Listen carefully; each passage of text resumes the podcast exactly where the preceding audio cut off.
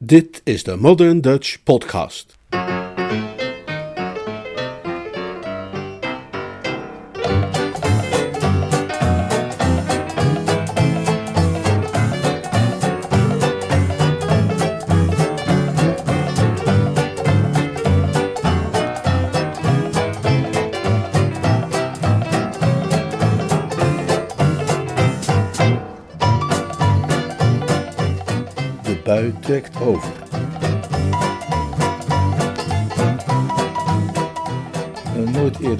Verhaal van P.G. Woodhouse uit de bundel Nothing Serious.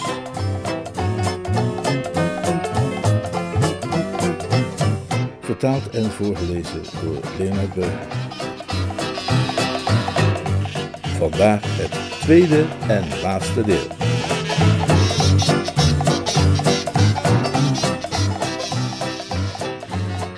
Allereerst een korte samenvatting van deel 1. In de Drones Club vertelt een Baardmans een verhaal over iets wat Bingo Little is overkomen.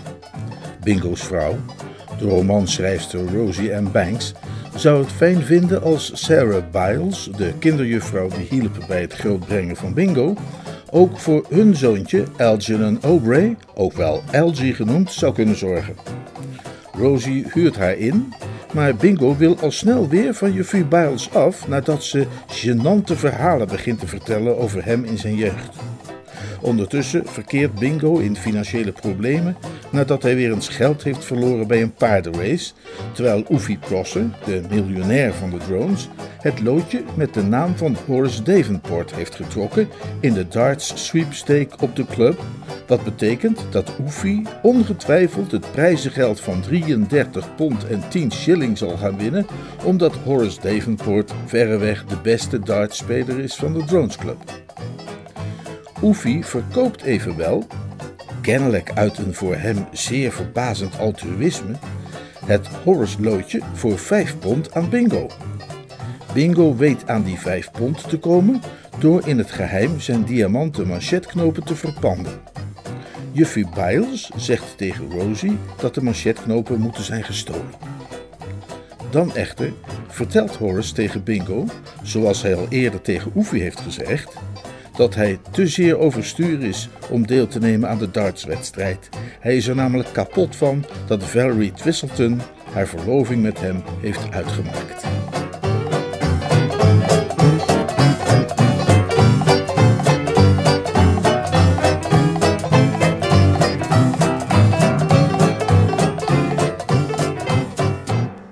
Was Bingo een verblindend licht opgegaan.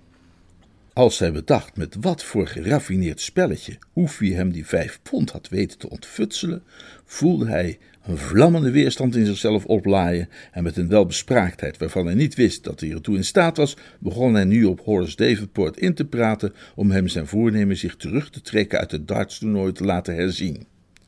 En zo aangrijpend wist hij de ellende te schilderen waarin hij zou vervallen wanneer Horace zijn naam werkelijk van de deelnemerslijst zou schrappen, dat diens betere gevoelens bovenkwamen. Ja, dit een opent een heel nieuw perspectief, zei Horace. Ik wist niet dat Oefie jou dat loodje had verkocht. Ja, goed. Om jou een plezier te doen, Bingo, zal ik dan voor de goede orde in de arena verschijnen. Maar ik zou er maar niet te veel van hopen ik jou was. Het is lastig pijltjes mikken als je hart gebroken is. Hij had het gevoel dat het toch niet zo verschrikkelijk moeilijk zou hoeven te zijn om dat liefdeslicht weer op volle sterkte te krijgen. Waarom zou hij dan niet die Valerie eens even opbellen? Hè? Haar uitnodigen voor een soupeetje samen om na haar voor zover zijn beperkte middelen toelieten te hebben gefetteerd, vriendelijk bij haar aan te kaarten dat het misschien toch maar het beste was om wat er gebeurd was te vergeven en te vergeten. Bingo is een jongen die een topidee weet te herkennen als hij erop eens stuit, en dat dit idee een topidee was, daaraan twijfelde hij geen moment. Hij spoedde zich naar de telefooncel, maakte verbinding en een paar minuten later was de zaak beklonken. Ze was dadelijk in voor een hapje die avond, waarbij Mario's populaire restaurant hij meer dan geschikt leek als plaats delict. Oké, Valerie, beste maatje, zei Bingo al helemaal opgelucht. Om kwart over elf bij Mario's dan. Tot zover alles in orde. Keurig geregeld. Alleen besefte Bingo al gauw daarna dat er eerst nog een behoorlijk lastige hindernis zou moeten worden genomen voordat het feest kon beginnen. Net als de nacht beschikte Juffie Biles over duizend ogen en er zou aardig wat vernuftige logistiek aan te pas komen om het huis te kunnen verlaten zonder dat zij het merkte. Hij had geen zin om straks, als Mrs. Bingo terug was, op het matje te worden geroepen om uit te leggen waarom hij s'avonds om half elf, keurig in smoking, stilletjes het huis had verlaten. Eh, dat het was om in haar afwezigheid te gaan souperen met Valerie Twistleton, was naar zijn idee niet een verklaring die bijzonder goed zou vallen. Snel bedacht hij een tactiek. Direct na thuiskomst liet hij het kamermeisje Juffie Biles melden dat hij haar graag een ogenblikje wilde spreken. Toen die even later aanmeerde, trof ze hem slapjes over de sofa gedrapeerd. Oh, Juffie, verklaarde hij flauwtjes, ik denk dat ik vanavond maar beter even niet bij Elsen en Aubrey langs kan komen. Ik voel me helemaal niet lekker. Ik zie vlekjes voor mijn ogen dansen. Wie weet is het besmettelijk. Leg het hem alstublieft uit en geef me een knuffel en zeg dat ik hem morgen weer hoop te zien. Dan ga ik nu meteen maar naar boven en regelrecht naar bed. Tja, natuurlijk wilde La Biles direct Mrs. Bingo opbellen en medische hulp inroepen en al dat soort dingen meer. Maar hij slaagde erin haar ijver wat af te dempen en het zorgaanbod uiteindelijk te beperken tot een bord pap en een kruik. Toen die bij zijn bed waren afgeleverd, zei Bingo, nog altijd met flauwe stem, dat hij verder niet meer gestoord wilde worden, omdat hij vooral behoefte had aan een verfrissende en hopelijk geneeskrachtige slaap. Daarna verliep alles verder gladjes. Rond half elf stond hij op, klauterde uit het raam en liet zich langs de regenpijp naar beneden zakken. Uh, hij kon na gelukkig maar heel even te hebben gewacht in een passerende taxi springen en precies om kwart over elf stapte hij uit voor de deur van Mario's restaurant. Een paar minuten later arriveerde ook Valerie Twistleton, charmant om te zien in een jurk van zachte, soepele stof die de lijnen van haar slanke figuur vrij deed uitkomen, en kon het spel beginnen. Sinds de tijd dat hij haar gekust had onder de mistletoe op het kerstfeest bij de Wilkinsons, was er tussen haar en Bingo een kalme, platonische vriendschap gegroeid, zoals je dat vaak ziet gebeuren wanneer het bloed getemd is en de passie geluwd. Hun verhouding was nu zo dat hij tegen haar kon praten als een soort vriendelijke oudere broer. En hij was van plan om zodra hij haar ervan had weten te weerhouden champagne te bestellen, door aan te voeren dat het een soort wijn was waar je het zuur van krijgt en vaak ook vlekjes in je gezicht, haar ook inderdaad aan te spreken als een vriendelijke oudere broer. Onderweg naar het restaurant had hij met zichzelf overlegd of hij het onderwerp Horace al dan niet voorzichtig stap voor stap moest aankaarten. Maar nu ze samen aan tafel zaten met een fles degelijke en betrouwbare Rijnse wijn tussen hen in, besloot hij de inleidende beschietingen eenvoudig achterwege te laten en meteen maar met de deur in huis te vallen. Zeg, vanmorgen ben ik op de Drones Club jouw aanstaande wederhelft nog tegengekomen, zei hij. Misschien moesten we me even op hem toosten van je tieren, lieren, en je singele, singele bom. op Horace Davenport, zei Bingo en hief zijn glas. Een korte frons ontsierde Valerie Twistleton's blanke voorhoofd. Bingo's financiële situatie had dat onmogelijk gemaakt, maar hadden oesters op het menu gestaan, dan zou haar gelaatsuitdrukking hebben doen vermoeden dat ze een fout exemplaar had ingeslikt. Noem de naam van dat sublimale gruwelwezen maar liever niet waar ik bij ben, antwoordde ze zichtbaar geëmotioneerd. En noem hem vooral ook niet mijn aanstaande wederhelft. Het huwelijk is van de baan. Ik heb het helemaal gehad met Horace Pendlebury, krijgt toch wat Davenport. En als hij uitglijdt over een bananenschil en zijn achterlijke nek breekt, zul je mij niet horen mopperen. Bingo knikte. Met subtiele behendigheid had hij de conversatie precies daarheen weten te sturen waar hij die hebben wilde. Ja, hij heeft me wel iets gezegd over geharrewar tussen jullie, maar hij gaf geen details. Wat was het probleem?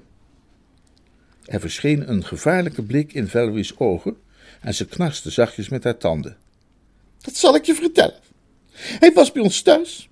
En we zaten in de woonkamer gewoon wat te kletsen over koetjes en kalfjes. En op een gegeven moment vroeg ik hem om op de grond te gaan liggen en Cyril, mijn cocker spaniel, een beetje aan zijn neus te laten knabbelen. Want daar houdt dat lieve dier zo erg van. Nou, dat wilde hij niet doen. En toen zei ik, ach kom op, wees toch eens een beetje sportief. En toen zei hij, nee, ik zou wel gek zijn als ik voor levende kluif ging spelen voor een cocker spaniel. En dat eindigde ermee dat ik zijn brieven bij elkaar zocht en de dingetjes die hij me gegeven heeft en dat ik hem die terug heb gegeven, samen met zijn ring en zijn hoed. Bingo te en Valerie vroeg hem waarom hij te. Had ik soms geen gelijk? vroeg ze vol vuur. Stond ik ethisch gezien niet volkomen in mijn recht? Bingo nam zijn rol aan van vriendelijke oudere broer. We moeten er altijd naar streven, drukte hij haar op het hart, om ook naar dit soort dingen te kijken vanuit het gezichtspunt van de ander. Horace, moet je bedenken, is heel gevoelig en sterk nerveus van aard. En mensen met zo'n gevoelige en nerveuze aard houden er niet van om een bijrol te moeten spelen naast een cocker spaniel. Stel eens even voor hoe zijn positie geweest zou zijn als hij op jouw verzoek was ingegaan. Hm? De spaniel zou dan alle lach hebben gehaald en hij zelf zou net zo goed op het decor geschilderd hebben kunnen zijn. Nou, dat is geen plezierige situatie voor iemand die ook zijn trots heeft. Als Valerie Twistleton ook maar iets minder knap was geweest, dan zou men gezegd hebben dat zij snoof of snurkte. Alsof dat het probleem was. Denk je dat ik niet tussen de regels door kan lezen? Hij greep die hele Spanielgeschiedenis alleen maar aan als een voorwendsel om de diplomatieke relaties tussen ons te verbreken. Dus overduidelijk wat er gebeurd is. Hij is verliefd geworden op een ander meisje en hij heeft een excuus gezocht om van mij af te komen. En nou op met lachen als een bezopen hyena. Dat hij lachte als een bezopen hyena, legde Bingo uit, had een reden, en wel dat hij getroffen werd door een vermakelijk toeval. Horace Davenport, zei hij, had namelijk precies dezelfde beschuldiging uitgesproken aan haar adres. hij is er juist van overtuigd dat jij je romantische voorkeur hebt verlegd naar elders en dat het alleen maar een smoesje was dat je hem zijn kwartier hebt gegeven vanwege zijn burgerlijke ongehoorzaamheid in zaken die cocker spaniel. Ik heb toevallig genoteerd wat hij precies zei, als je dat misschien wil horen. Ik hou vol, zei Horace, dat geen enkel meisje een man de bond zou geven over zoiets onbenulligs, tenzij ze eigenlijk al voor een ander had gekozen en alleen maar een voorwendsel zocht om hem aan de kant te zetten. Ze staarde hem met grote ogen aan. Hij is niet goed snik. Eigenlijk al voor een ander gekozen, dan vraag ik je. Al leef ik nog een miljoen jaar, ik zal nooit van iemand anders houden dan van Horace. Vanaf het eerste moment dat ik hem tegenkwam, wist ik dat hij mij paste als gegoten. Ik hoef ook niet elders op zoek. Als ik iemand mijn hart schenk, dan blijft het geschonken. Maar hij is niet zoals ik. Hij is een fladderende vlinder, een ontrouwe Casanova. Ik weet zeker dat hij een ander heeft. Jij denkt dus dat hij dolblij is van jou af te zijn? Ja, precies. En waarom, zei Bingo en schudde de troefaas uit zijn mouw, waarom zag hij er dan toen ik hem vanmorgen tegenkwam op de Drones Club uit als een levend lijk uit iets van Edgar Allan Poe? Daar schrok Valerie Twistleton van op. Was dat zo? En of dat zo was, zijn hart was gebroken, zei hij. Heb je wel eens zo'n advertentie gezien voor zo'n patentgeneesmiddel met van die fotootjes erbij, van voorgebruik en nagebruik? Ja. Horace was precies zo'n fotootje van voorgebruik, zei Bingo. Hij zag eruit als een IC-patiënt in de laatste stadia van lepra, ischias, de vliegende tering en maaglarven. Hij zweeg even en constateerde dat de gloed in de ogen van zijn tafelgenoot door een mistig waas werden overtrokken. Haar lippen trilden en het hapje kip dat ze naar haar mond had willen brengen, viel willoos van haar vork. De arme sukkel, mompelde ze. Bingo zag dat het ogenblik gekomen was om de zaak af te ronden. Het ijzer smeden als het heet is, luidt naar ik meen de uitdrukking. Dus zul je hem vergeven? Ja, tuurlijk, en alles wordt weer zoals het was. Zo mogelijk nog beter. Mooi, zei Bingo. Dan ga ik hem nu opbellen om dat tegen hem te zeggen. Hij is hier vast binnen tien minuten nadat ik hem het goede nieuws heb verteld. Hij was opgesprongen en stond op het punt naar de telefoon te rennen, maar Valerie hield hem tegen. Niet doen, zei ze. Bingo sperde de ogen wijd open. Niet doen, herhaalde hij. Hoe bedoel je nou, niet doen? Ze legde het uit. Hij moet minstens een paar dagen krijgen om te piekeren en te smachten, zodat het lesje goed kan bezinken, als je begrijpt wat ik bedoel. De opzet is dat hij goed in de gaten krijgt dat hij niet zomaar een grote mond kan opzetten telkens als hij daar zin in krijgt. Ik hou meer van hem dan ik zeggen kan, maar discipline moet er zijn. Bingo stond intussen te trappelen als een kat op een heet zinken dak. Het leed dat hij te doorstaan had was, zoals je begrijpen kunt, aanzienlijk. Ja, maar, maar het dartstoernooi is morgenochtend. Welk dartstoernooi? Nou, het jaarlijkse toernooi van de Drones Club. Voor een rustige, harmonieuze Horace is dat een eitje. Maar een Horace met een gebroken hart maakt geen schijn van kans. Als je me niet gelooft, zal ik hem letterlijk voor je citeren. Het is lastig pijltjes mikken als je hart gebroken is, zei hij. En ik wilde dat je de angst en de pijn in zijn stem had kunnen horen. Ik zal zo weinig kunnen zien door de tranen die in mijn ogen staan, zei hij, dat ik me afvraag of ik wel een enkele dubbele zal kunnen gooien. Ja, maar wat doet dat maffe dartstoernooi er nu toe? Bingo haalde juist diep adem om haar in gloeiende bewoordingen te gaan verklaren wat dat dartstoernooi er voor hem precies toe deed, toen plotseling de bovenkant van zijn schedel losliet en met een klap tegen het plafond omhoog schoot. Dat is te zeggen, zo voelde het voor hem aan. Want op dat moment werden zijn oren getroffen door het geluid van een luide en gebiedende stem uit de richting van de deur. Hou je mond, jongeman, zei die stem. Ik zeg je toch dat de jonge Richard hier binnen ergens moet zijn. En ik sta op hem te spreken. Hij heeft een lelijke kou gevat met verhoging. En ik heb hier zijn volle sjaal voor hem. Daar op de drempel stond Juffie Biles. In haar hand hield ze een wollen sjaal in de Drones Club kleuren en ze keek op onvriendelijke wijze de een of andere assistent in de ogen die trachtte haar de toegang tot het restaurant te ontzeggen. Ik weet niet of u ooit wel eens ergens toevallig een toneelstuk hebt gezien of gelezen van Shakespeare, getiteld eh, Macbeth. Nou, als dat zo is, zult u zich wellicht herinneren dat die Macbeth-figuur een andere figuur die Banquo heet, om zeep helpt en dan een groot feestmaal organiseert om dat te vieren. Nou, stel je voor hoe hij geschrokken moet zijn toen als eerste van de vrolijke feestvierers de geest van diezelfde Banquo kwam opdagen, vrolijk en wel en helemaal onder het bloed. Ja, daar had hij het even goed van te pakken. En Shakespeare doet er ook absoluut niet geheimzinnig over. Dat was echter nog niets vergeleken bij de manier waarop Bingo van schrik verschoot toen hij daar plotseling juffie Biles in zijn midden ontwaarde. Hij voelde zich alsof hij op zijn dode gemak een beetje op de elektrische stoel had gezeten in de Sing Sing gevangenis en dat nu opeens onverwachts een of andere grapje als de prik erop gezet had. Hoe zijn in hemelsnaam hier had weten te vinden was een raadsel. Het kon bezwaarlijk op basis van een hoog ontwikkeld reukvermogen geweest zijn, en toch leek er geen andere verklaring mogelijk. Hij verspeelde echter geen tijd door daarover te piekeren. Dit, stelde hij vast, was een moment voor snelle actie. Vlak achter de plek waar hij zat was een deur. Uit het feit dat daar voortdurend obers in en uit waren gegaan, had hij afgeleid dat zich daarachter de dienstvertrekken bevonden.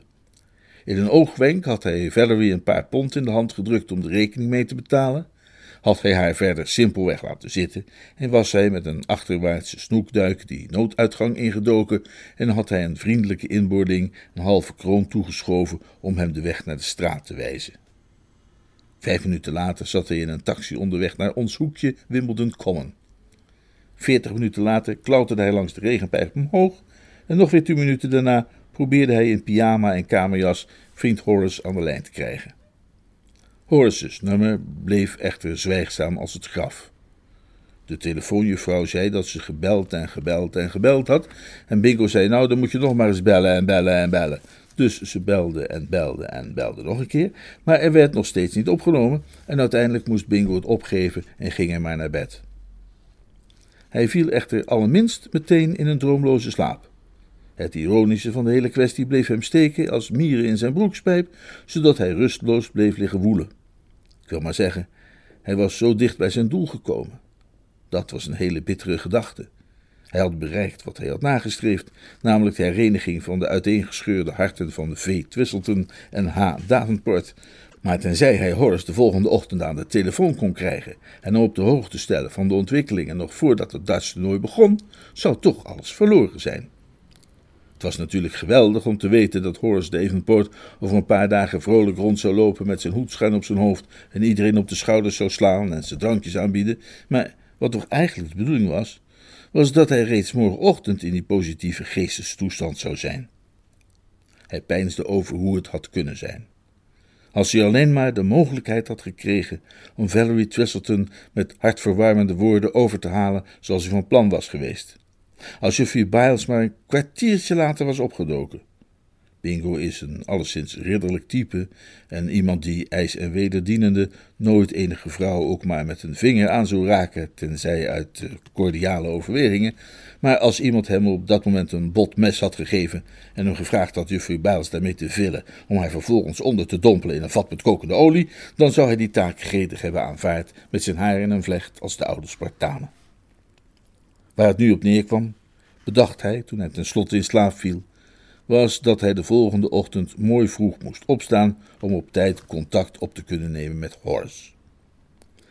Juist daarom zult u, als iemand die het leven kent, niet verbaasd zijn te horen dat wat er in feite de volgende ochtend gebeurde was, dat hij zich versliep.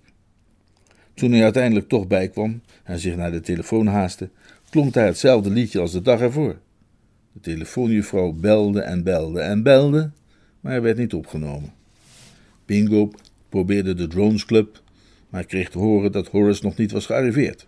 Er leek niets anders op te zitten dan zich snel aan te kleden en zich naar de club te spoeden. Tegen de tijd dat hij daar aankwam, zou het Dutch toernooi natuurlijk al volop aan de gang zijn en hij kon zich het soort Horace Davenport dat daar zijn pijltjes wierp al helemaal voorstellen. Een slappe, lusteloze Horace Davenport die eruit zag als een graadloze platvis. Toen hij bij de club aankwam, had hij het gevoel dat het eigenlijk nauwelijks de moeite waard was om naar binnen te gaan, maar iets leek hem toch de deur binnen te drijven. Met lood in zijn schoenen liep hij op de rooksalon af. Toen de deur openging en Barmy Fungy Phipps en Catsmeet Potter Purbright naar buiten kwamen. Eitje, zei Barmy juist. Een plotseling, volkomen irrationeel gevoel van hoop begon in Bingo's borst te kloppen als een roodborstje. Onnozel natuurlijk om te denken dat Barmy het over Horace had kunnen hebben, maar het niveau van de dartspelers op de Jones Club, afgezien van die ene uitzonderlijke expert, was dermate modaal dat hij zich niet kon voorstellen dat het eh, voor een van de andere deelnemers echt een eitje had kunnen zijn. Hij greep Barmy krampachtig bij zijn mouw. Een eitje voor wie? hijgde hij. Oh, hallo, bingo, zei Barmy. Jij bent precies de man die wij wilden spreken. Tetsmith en ik hebben samen een stuk geschreven voor dat krantje voor jou. Met als titel Enige minder bekende cocktails. We waren net op weg naar jouw kantoor om het je te geven. Bingo pakte de volgetypte velletjes afwezig aan. In zijn hoedanigheid als hoofdredacteur was hij altijd blij om ongevraagde bijdragen te overwegen. Hoewel deze, verzuimde hij nooit te vermelden, altijd uitsluitend konden worden geplaatst onder verantwoordelijkheid van de auteur. En een thesis over een dergelijk onderwerp door twee zulke erkende deskundigen op het betreffende terrein kon bijna niet anders dan uitermate boeiend zijn. Maar op dat moment waren zijn gedachten ver verwijderd van zijn redactiewerk bij Kleutertje Klein. Voor wie is het een eitje? vroeg hij hees. Ja, voor Horace Davenport natuurlijk, zei Catsmeet Potterburbluit. Hij speelt echt een geïnspireerd potje darts. Als je snel naar binnen gaat, kun je misschien nog een glip opvangen van zijn meesterschap. Maar Bingo was te laat. Toen hij de rooksalon binnenkwam, was de laatste wedstrijd juist voorbij en Horace Davenport ontving te midden van een enthousiaste groep vrienden en bewonderaars hun felicitaties. Hij was een algemeen geliefde kampioen, alleen niet geliefd bij Oefie Prosser, die afgetopt en bleek onder zijn puistjes in een hoekje zat. Toen hij Bingo zag, maakte de kampioen zich los uit de kring en liep op hem af. Hallo, Bingo, zei Horace. Ik hoopte al dat je zou komen. Ik wilde je even spreken. Weet je nog van mijn gebroken hart? Nou, dat is in orde gekomen hoor. Toch niet gebroken uiteindelijk. Complete verzoening heeft gisteravond na middernacht plaatsgevonden in Mario's restaurant. Bingo stond verbaasd. Ben jij naar Mario's gekomen? Dankzij jou, zei Horace Davenport en masseerde dankbaar Bingo's bovenarm. Ik wil u nog even vertellen, Bingo, dat nadat ik gisteren met jou had gesproken over mijn gebroken hart, ik direct daarna bedacht dat er nog een paar dingen waren die ik vergeten was daarover te zeggen. Dus ik liep terug en toen zeiden ze daar dat ze in de richting van de telefooncel hadden zien lopen. Dus ik daarheen. Ja, je had de deur op een kier laten staan. Wie schildert mijn verbijstering toen ik jou zodoende met Valerie hoorde bellen? En een afspraak met haar maken bij Mario's. Ja, nee, nee ik, ik, wilde alleen maar. begon Bingo, maar Horus ging verder. Ik strompelde weg zonder nog iets te zien of te horen. Ik was helemaal ontdaan. Ik had mezelf wijsgemaakt dat Valerie me met iemand anders had bedrogen. Maar ik had geen seconde verondersteld dat de valse slang met wie ze dat deed mijn oude vriend Richard Little was. Een knaap met wie ik op school vaak mijn laatste zuurtjes heb gedeeld. Ja, nee, maar wacht, luister, ik, ik wilde alleen maar. Goed, zeg ik tegen mezelf. Ik ze een half uurtje en dan loop ik Marius binnen en zet ze voor het blok. Dan zullen ze, zeg ik tegen mezelf, lelijk op mijn neus kijken. Nou, zo gezegd, zo gedaan. Maar toen ik daar aankwam, was jij er al van door. En ik kon jullie dus niet voor het blok zetten. Alleen Valerie. Ja, maar luister nou, Horace, beste knul, zei Bingo, die toch echt wilde zeggen wat hij op zijn hart had. Ik wilde haar alleen maar wat te eten geven en zo in de juiste stemming brengen om vervolgens jouw zaak bij haar te bepleiten. Ja, dat weet ik, dat weet ik, heeft ze me verteld. Ze zei dat jij met haar gepraat hebt als een vriendelijke oudere broer. Wat voor argument je hebt gebruikt, zou ik niet kunnen zeggen. Maar je hebt er de buit mee binnengehaald in hele trossen. Ze bleek tegenover mij volkomen ontdooid. Klikte weer als vanouds, hè. En kortom, de bruiloft is op de 23ste AS. en nu, bingo, zei Horace en hij keek op zijn horloge, moet ik er helaas vandoor. Ik heb Valerie beloofd dat ik meteen na het dartstoernooi bij haar langs zou komen om de cocker spaniel aan mijn neus te laten knabbelen. Vind het best leuk. En ik ben persoonlijk van mening dat wij allemaal ons best moeten doen om licht en luchtigheid te verspreiden. Zelfs al mocht dat wat persoonlijk ongemak met zich meebrengen. Hoe dan ook, tot ziens, bingo. En duizendmaal bedankt hoor. Uh, kan je lift geven als je mijn kant op moet? Nee, dankjewel, zei Bingo. Ik ga nu eerst die 33 pond incasseren en daarna heb ik nog wat andere dingetjes te doen voordat ik naar huis kan. Bingo was ruim op tijd terug in ons hoekje.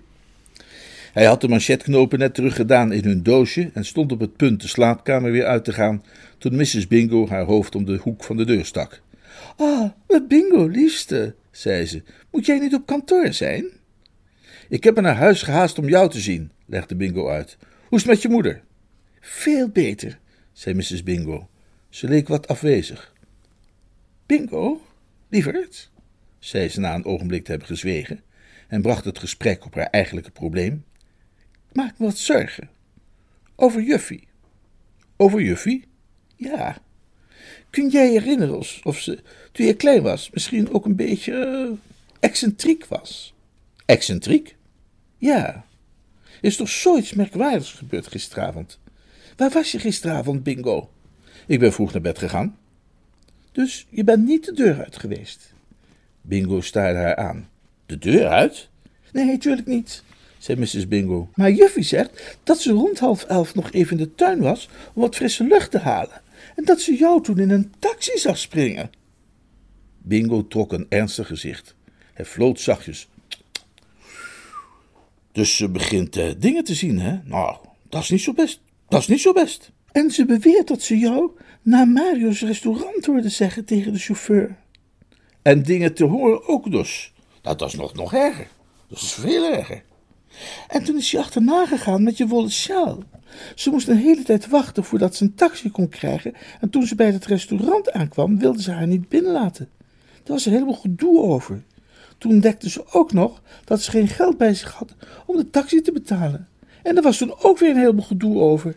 En aan het eind moet ze volgens mij haar geduld een beetje hebben verloren. Want anders zou ze nooit die taxichauffeur een oorvijg hebben gegeven. En die ober hebben gebeten. Heeft ze een ober gebeten? Ze zegt dat ze vond dat hij zich onbehoorlijk gedroeg. En daarna hebben ze de politie geroepen en die heeft haar meegenomen naar het bureau in Vine Street. En van daaruit heeft ze mij opgebeld om te vragen of ik haar borgtocht kon komen betalen. Toen ben ik daar natuurlijk heen gegaan en heb die borgtocht betaald.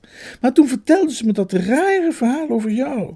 Ik ben naar huis gegaan en ik heb bij jou om de hoek van de deur gekeken, maar je lag diep te slapen natuurlijk. Tuurlijk. Mrs. Bingo beet op haar lip. Ik vind het echt heel zorgwekkend.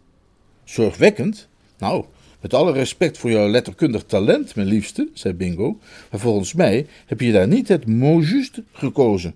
Ik zou het compleet verbijsterend willen noemen. Maar laat me je nog eens iets anders vertellen dat je aan het denken zal zetten.